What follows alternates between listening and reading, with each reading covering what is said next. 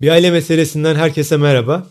Zeynep bugün zor bir konu seçtik aslında. Hem konuşması kolay, malzemesi çok ama hem de hassasiyeti yoğun bir konu. zor bir ebeveynle büyümek. Zor bir ebeveynle büyümenin yetişkinlik hayatındaki maliyeti ne oluyor? Göstergeleri ne oluyor? Zor bir ebeveynle büyümek deyince aklına ne geliyor? Nereden başlamak lazım? Evet. Öncelikle zor bir ebeveynle büyümenin bedelleri olduğunu fark etmekle bence başlamak lazım. Çünkü çoğu zaman geçmiş geride kaldı. Hani şimdi böyle etkiler yok gibi düşünüyoruz ama Hı. zor bir ebeveynle büyüyen birisi yetişkin olduğunda onun bedellerini irli ufaklı günlük hayatında bazen fark etmeden aslında deneyimliyor. Önce bunu bence kabulle başlamak yani. Bunu görerek başlamak. Zor bir ebeveyni tanımlamak da belki diğer bir adım olabilir. Zor bir ebeveyn hani alkol bağımlısı bir ebeveyn olabilir. Eleştirel cezalandıran tarafı güçlü bir ebeveyn olabilir. Duygusal anlamda çok temaslı olmayan, kapalı, kendi halinde, kendi dünyası olan bir ebeveyn olabilir. Biraz böyle çocuklardan, aileden kopuk, iş odaklı, çok iş odaklı olabilir örneğin. Yani ebeveynin yokluğu aslında çocuk için zorlayıcı olabilir. Ve bunların da tabii bizim üzerimizdeki etkileri oluyor. Kişiliğimizi geliştirirken, kendimize yönelik algımızda, nasıl biri olduğumuza karar verirken, ilişki kurma biçimlerimizde etkileri oluyor. Bize ödettiği bedeller e, oluyor. Bunlar neler oluyor diye istersen devam edelim. Bu bedeller ne oluyor evet. değil mi? Bu aslında ebeveynin zorlayıcı tarafına bağlı olarak değişiyor. Senin de söylediğin gibi bu çok çeşitli şeyler olabilir. Ebeveyn modelleri olabilir senin söylediklerine ek olarak dürtüsel tepkisel bir ebeveyn olabilir. Kendiyle dolu, çocuksu, bencil gibi görünen ama hani çocuk gibi kendini her şeyin merkezine koyan bir ebeveyn olabilir. Farklı bağımlılıkları olan bir ebeveyn olabilir. Orada olmayan bir ebeveyn olabilir. Talepkar bir ebeveyn olabilir. İsteyen, bekleyen.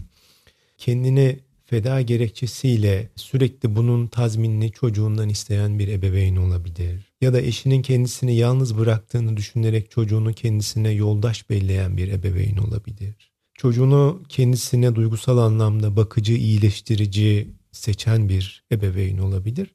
Bu örüntüde o ebeveyn hangisi ise bize yaşattıkları da ona denk bir ölçüde yana onunla örtüşen bir ölçüde oluyor yani. Evet bir de bunun gücü, zorluğun gücü de farklı oluyor farklı. değil mi? Hani hani böyle derecelendirilirse hani 100 puanda zorluk olabilir. Kim ebeveynlerin zorluğu 50'de 60'da olur. Onunla baş etmek daha da kolay olur. Hani ebeveynim zordu ya da değildi gibi bir sınıflamadan ziyade hani e, zorlayıcıydı şu kadar zorlayıcıydı. Çok zorlayıcı ebeveynler olursa o zaman bizim ödediğimiz bedeller tabii ki çok daha şey oluyor ağır oluyor. Hani Peki, farklı alanlarda olabilir. Hmm. Bir de yoğunluğu da farklı Zeynep, olabilir. Peki şeyi sorayım sana. Söz konusu kişi annemiz ya da babamız. Bir taraftan ona mecburuz ama bir taraftan da annemiz babamız yani. Hani bizi dünyada sarıp sarmalamasını, korumasını beklediğimiz kişi tutunacak dalımız çocukken. Bir başkasıyla böyle zorlayıcı bir örüntüyü yaşamakla anne babamızla yaşamak arasındaki fark nedir? Hı hı fark kıyas bile olmaz herhalde değil mi yani hani fark gibi denecek bir durum bile ol, olmayabilir. Çünkü hani ebeveynlere bağımlıyız, duygusal ihtiyaçlarımızı onlar karşılıyor. Bir çocuk için ebeveynin davranışları, yaptıkları, yapmadıkları onun normali oluyor. Sanki olması gereken öyleymiş gibi oluyor. Kendilik algısı ebeveynle belirginleşiyor, değişiyor. Güven ihtiyacı var. E, birinci kaynaklar anne babalar. Bazı yetişkinlerin geçmişinde büyük anneler, büyük babalar örneğin devreye girebiliyor ve o çocuğun hmm. e, duygusal ihtiyaçlarını da karşılayabiliyorlar. Hani anne babanın yerine getirmediği sorumlulukları belki büyük anne, büyük babalar hmm. onlarla büyüyorlarsa, büyüme fırsatları varsa. Hani biraz böyle e, dinleyenler e, geçmişi bir gözden geçirseler iyi olur. Hani ebeveynler hangi noktalarda vardılar, hangi noktada yoktular, onun için neler zordu, ebeveynin yokluğunu karşılayan başka bir yetişkin oldu mu?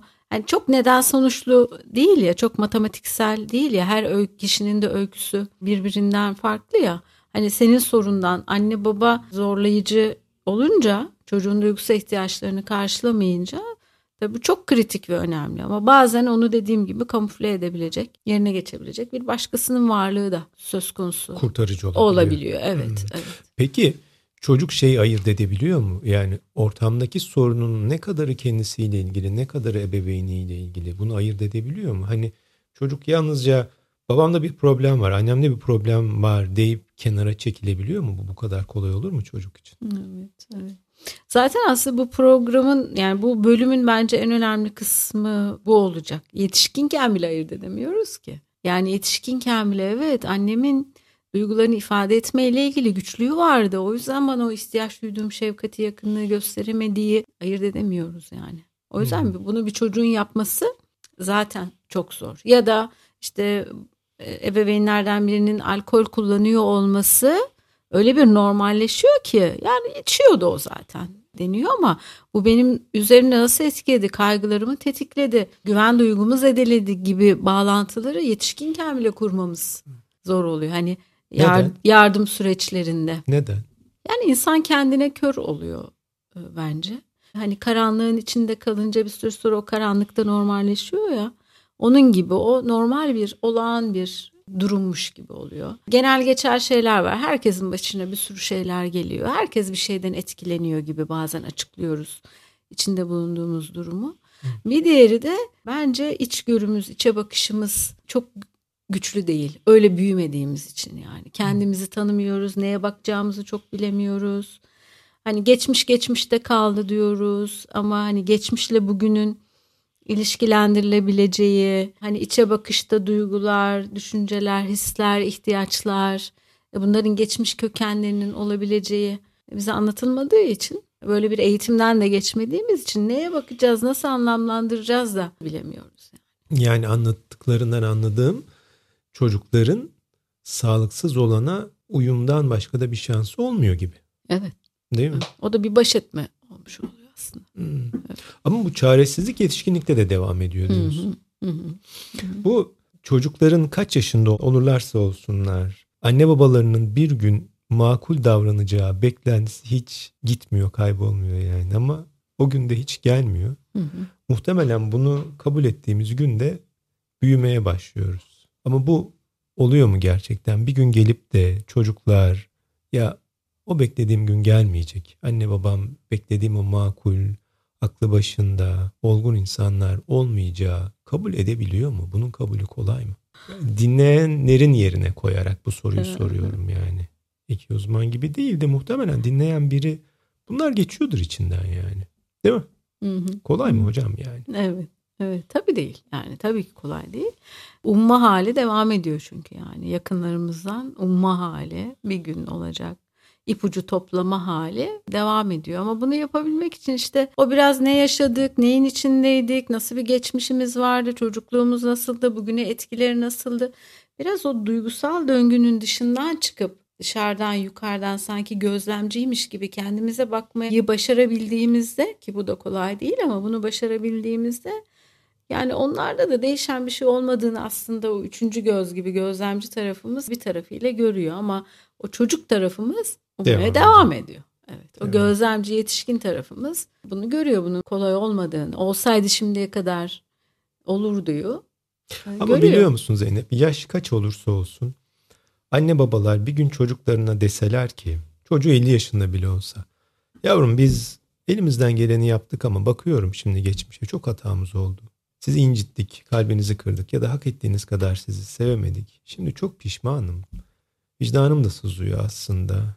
Çok üzgünüm böyle olduğu için. Keşke bunu daha doğru yapabilseydik, daha iyisini yapabilseydik dese çok eminim ki çok özel durumlar dışında tabii böyle istismar durumlarından falan bahsetmiyorum. Bunu kabul edip anne babasını affetmeyecek çocuk yoktur. Bu hepimize iyi gelir yani. Gelir yani, tabii. Evet yani evet. bu bu aslında temel olarak pek çok yetişkinin duymak istediği şey bu. Hı hı. Uğradığı haksızlık duygusunun hakkının ona teslim edilmesi. Evet, evet hakkını evet. yedik yani. Hı hı. Yine kalbi kırık kalır insanın. Hı hı. Ama en azından bir hakkının teslim edilmesinin tamam annem babam bana hakkımı verdi.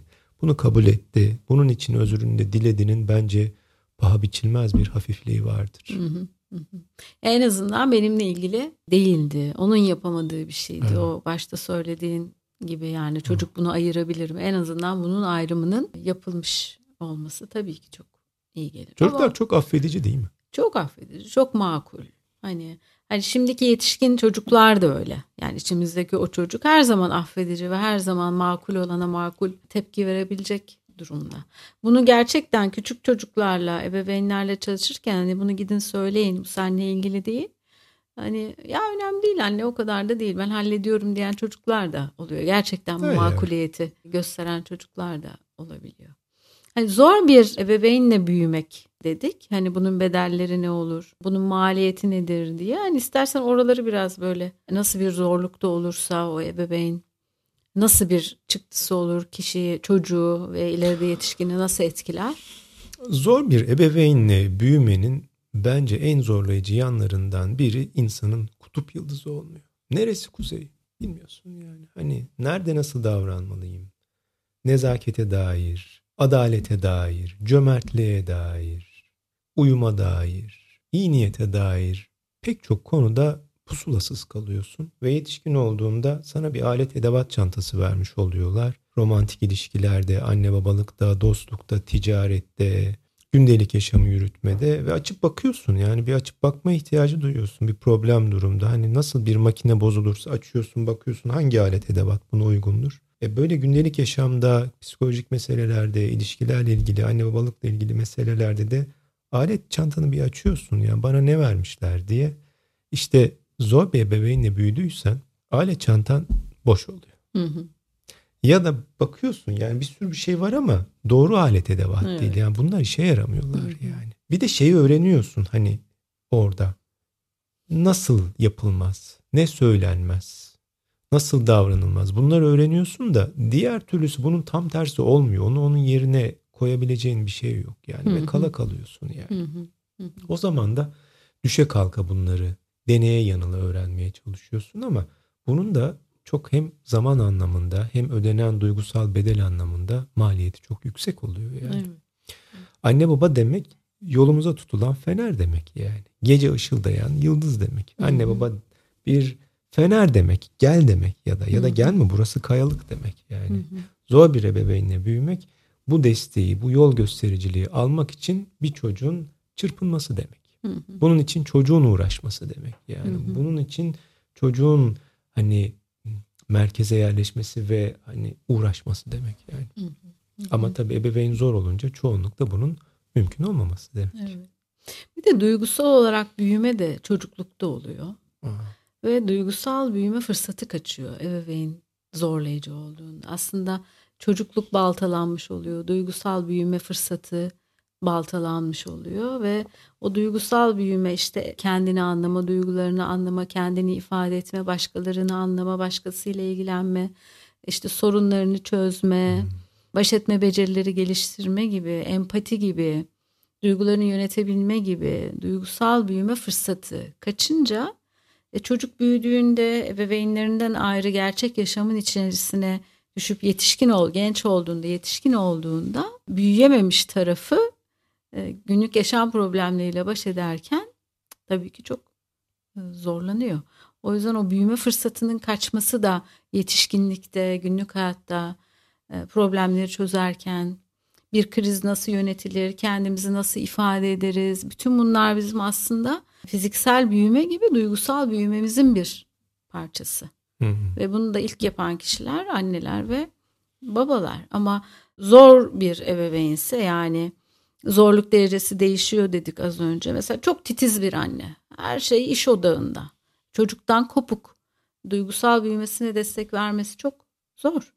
Ya da çok kaygılı bir ebeveynin kendi duygularını daha yönetemezken, ruh halini dengeleyemezken çocuğun duygusal büyümesine desteklemesi, onu duygusu olarak beslemesi zor. Senin dediğinle paralel yani o alet çantasının dolduramamış oluyor ya da işte kendi örün, işlevsiz örüntüleriyle kaygılı bir anne bir problem karşısında yoğun abartılı kaygı tepkileri veriyorsa çocuk da bunu modelliyor ve bunu öğrenmiş. Aslında oluyor. yolda kaybolmaktansa hani nereye gideceğini bilmiyorsan yanlışı tekrar ediyorsun. Ediyorsun. Hiç evet. olmazsa bildiğin bir kalıp var yani. Ne yapılır, nasıl sonuçlanır, bedeli ne onu biliyorsun yani. Hı hı. Bilinmezlikten hı. iyidir yani. Evet, Değil mi? Evet.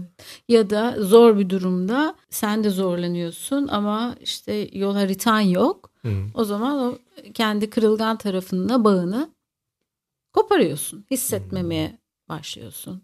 Sen de dediğin gibi ebeveynine ebeveynlik yapıyorsun. En azından bir diğerini sakinleştirerek kendini yatıştırmayı. Öğreniyorsun. Ben çok hatırlıyorum çocukken kaygılı hassas çocuklarda oluyor.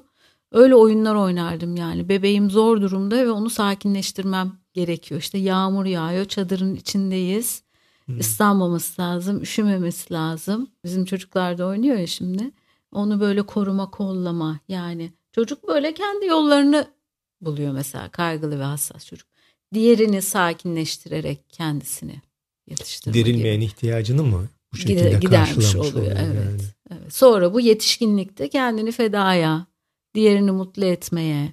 Aman kimsenin suratı asık olmasın. Herkes mutlu olsun. Hani onu mutlu edip yatıştırırken bu anne ise ya da babaysa kendini aslında regüle hmm. ediyor. Ruh halini biraz dengeliyor. Hmm. Yatıştırıyor. Belki verimli hissediyor kişi. Hmm. Ama hmm. bunun bedeli kendinden kopuş. Peki şeyi nasıl açıklarsın ya da buna nasıl engel olunabilir Zeynep? İki boyutlu bir soru sorayım sana. Ne kadar şikayetçi olduğumuzu bilsek de ne kadar muzdarip olduğumuzu bilsek de bir yer geliyor ve diyoruz ki ya hayatım ondan kaçmaya, onun gibi olmamaya çalışmakla geçti. Geldiğim nokta aynada onu görüyorum yani. Model alma diye model alarak öğrenme diye bir gerçeklik var. Zihin de tekrarla hani tanıdık olanı tekrarla da öğreniyor. Hani hmm. Bu hem biyolojik, nörolojik hem de davranışsal olarak bir öğrenme yolu. Birincisi bu yani fark etmeden hmm. model alıyoruz ve taklit ediyoruz. Demin dediğin gibi senin de alternatif örneğin e, sorun karşısında bir sorun nasıl çözülür? Baba üflüyor, püflüyor ve şikayet ediyorsa modeli olmuş oluyor ve biz de onu öğreniyoruz yani. yani ne sunulursa çocuğa aslında problem karşısında onu tekrarlama. Ya o ne olur. kadar şaşırtıcı bir şey Zeynep. Yani baba evde musluğu tamir etmiyor. O musluk günlerce haftalarca boşa akıyor. Çocuk da aynını yapıyor yani. Hani baba parasının hesabını bilmiyor ya da anlamsız şeyleri parasını harcıyor. Çocuk bunu deneyimliyor. Ve gidip benzer hataları tekrar ediyor. Keza anneyle kız, anneyle oğul arasında da benzer ilişkiler yapıyor. Yani bunu gören bir insan ne yapmalı? Bir kendinde herhalde hayal kırıklığı da yaşıyor insan bunu görünce değil mi? Ne yapmak lazım böyle bir durumda? Yani önce kendimize kızmayacağız. Hani bu nörolojik bir temeli var. Bildiğimiz yollardan gitme eğiliminde zihin. Zihnimizde haritalar var her duruma ilişkin, ev düzenine ilişkin harita var, insan ilişkilerine ilişkin harita var, nörolojik haritalar var ve de işte e, kendini ifade etmeye ilişkin harita var. Dolayısıyla bu haritalarda nerede oluşuyor? Erken çocukluk yıllarında, aile içerisinde, ilkokulda belki okulun etkisiyle oluşuyor.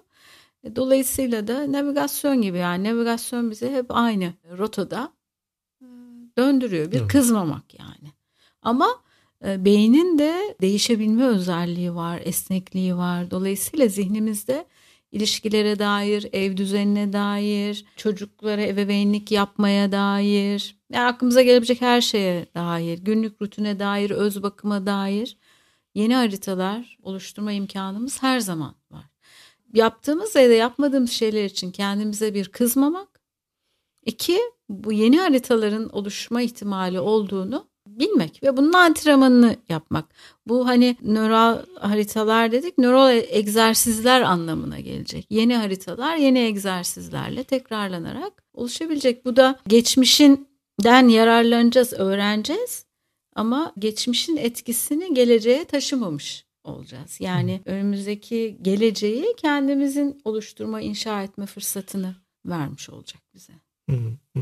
Ben de şöyle düşünüyorum böyle bir konuda. Bu zehirli bir miras olabilir. Anne babalarımız, anne babalığın nasıl yapılacağını bilmeyen anne babaların çocukları olabilir. Nihayetinde bizim anne babalarımız da bir evde büyümüş çocuklar. Ama bu mirasın devam edip etmeyeceğine biz karar vereceğiz. Bu bir kader değil. Bu bir zaruret değil. Bu bir devam etmesi gereken zincir değil yani. Adem baba olacağız. Havana olacağız. Yani bizim çocuklarımız bizimle görecekler bunu. Hani burada geçmişe dönüp kendimize üzülebiliriz ki buna da hakkımız vardır çocuk olarak. Ama bu hem bu üzüntüyü duyup hem de geleceğe dair bir dakika bu benimle devam etmek zorunda değil de diyebiliriz. Yani bu mağduriyeti taşımak zorunda değiliz. Elbette bu süreçte acemiliklerimiz, şaşkınlıklarımız, yol bilmezliklerimiz olacak ama çocuklarımıza bunun daha iyisini yapabiliriz. Bizimle başlasın. Ben Adem Baba olayım. Sen Havvan ol. Ve çocuklarımız bizimle görsün. Belki biraz acemici olacak ama bunun daha iyisini bizim çocuğumuz yapacak. Bizim torunumuz bunun daha da daha da iyisini yapacak ama biz torunumuza baktığımızda diyeceğiz ki benimle başladı yani.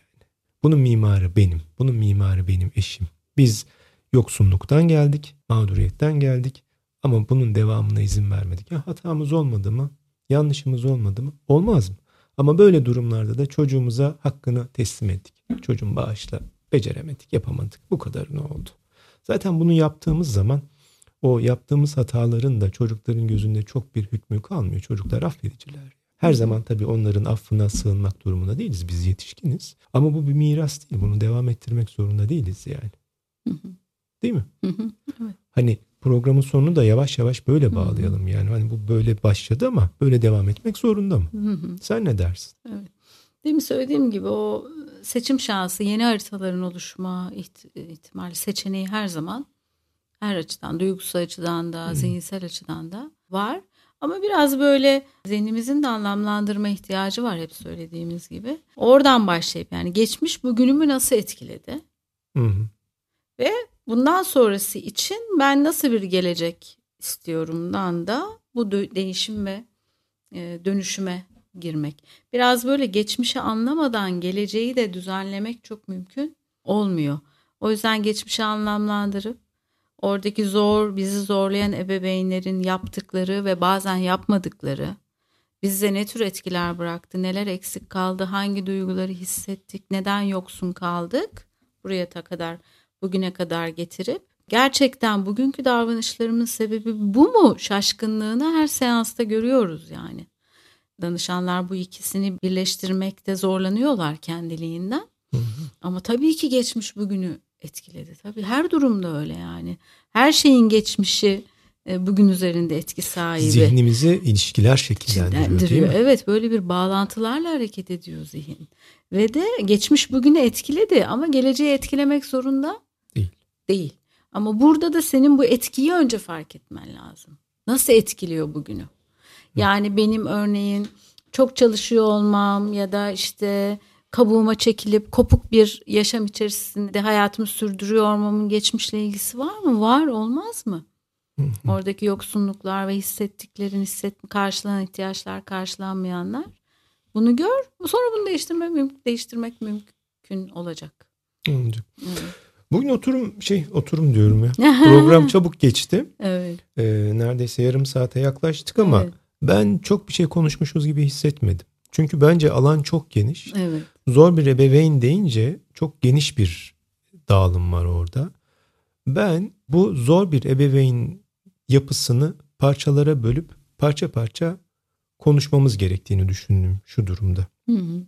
Eğer izleyicilerimiz de dinleyicilerimiz de evet böylesi daha iyi olur derlerse lütfen yorumlara yazsınlar bize mesaj atsınlar ya da hı hı. bunu böylece konuşalım ve biz hı hı. bunu sanki bir giriş bölümü gibi sunup hı hı Bundan sonra diğer bölümlerde bunu zor bir ebeveyn modelini daha spesifik şekillerde konuşmaya devam edelim. Talepkar bir ebeveynle büyümek, eleştirel bir ebeveynle büyümek, olmayan bir ebeveynle büyümek gibi. Ne Sürekli dersin? başı ağrıyan bir ebeveynle büyümek gibi.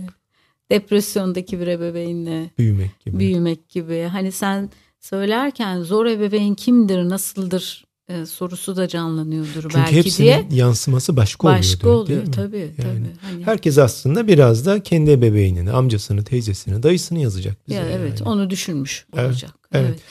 Arkadaşlar burada yapmaya çalıştığımız şey zor meselelerle sizi üzmek, geçmişe götürüp durumu trajik bir hale almasına sebebiyet vermek değil. Biz bu durumların sağlıklı bir şekilde konuşulabilir olduğunu düşünüyoruz ve bunu yalnızca buralara, bu merkezlere, bu oturumlara gelebilme imkanını bulabilecek insanların hakkı olmadığını da düşünüyoruz. Koruyucu ruh sağlığı herkesin hakkı. yetişebildiğimiz kadarıyla bu programların tabii ki el verdiği kadarıyla bunu anlatabilmeyi istiyoruz. Burada işbirliğine ihtiyacımız var. Sizden gelecek bilgilendirmeye, yol açmaya, önerilere ihtiyacımız var. Hem bu içeriği konuşalım hem de genç arkadaşlarımıza, genç kardeşlerimizin zor konuların da incitmeden, yıpratmadan, yormadan, kalp kırmadan da konuşulabileceğini gösterelim istiyoruz. Sürçülisan ediyorsak affola. Ama elimizden geleni yapmaya çalışıyoruz. Maksadımız da budur. Evet. Değil mi? Özeni göstermeye çalışıyoruz. Göstermeye Hassas konular olduğunu bilerek, fark ederek konuşmaya çalışıyoruz. Çok Heh. genellemeler yapmamaya çalışıyoruz ama siz de kendinizi Serdar çok güzel söyledin. Yani o koruyucu ruh sağlığı anlamında kendinizin ruh sağlığını önce anlamanız için bir harita aslında. Nelere bakacaksınız, hı hı. neler sizi hı ki bugünkü davranışlarınızı etkiliyordur diye kendinizi anlama sürecine destek olmaya Kesinlikle. Evet. Ve bunu konuşurken de konuşma biçimimizle, bunları ele alış biçimimizle de bir model oluşturmaya çalışıyoruz. Sağlıklı yetişkinler olmaya çalışıyoruz burada ama tabii ki beşeriz, şaşarız. Bugüne kadar yapmamış olabiliriz. Bundan sonra hatamız olabilir. Ama orada da af dileriz yani. Bağışlayın hata yaptık deriz. Bu dili yaygınlaştıralım istiyoruz yani ki hani çocuklarımıza daha huzurlu, daha umutlu bir toplum bırakalım, bir ülke bırakalım diye. Elimizden geldiğince. Değil mi? Herkese çokça sevgiler. Kendinize iyi bakın. Görüşmek üzere. Görüşmek üzere. Hoşçakalın. Sevgiler. Ben yine unuttum. Bahadır beni yine uyardı. Programımıza hem podcast kanallarından Apple gibi, Spotify gibi hem de YouTube'dan ulaşabilirsiniz. E hadi şunu da söylemeyeyim. Bizi beğenmeyi, takip etmeyi, abone olmayı da unutmayın. Hayat bana da bunu dedirtti. Hoşçakalın. evet.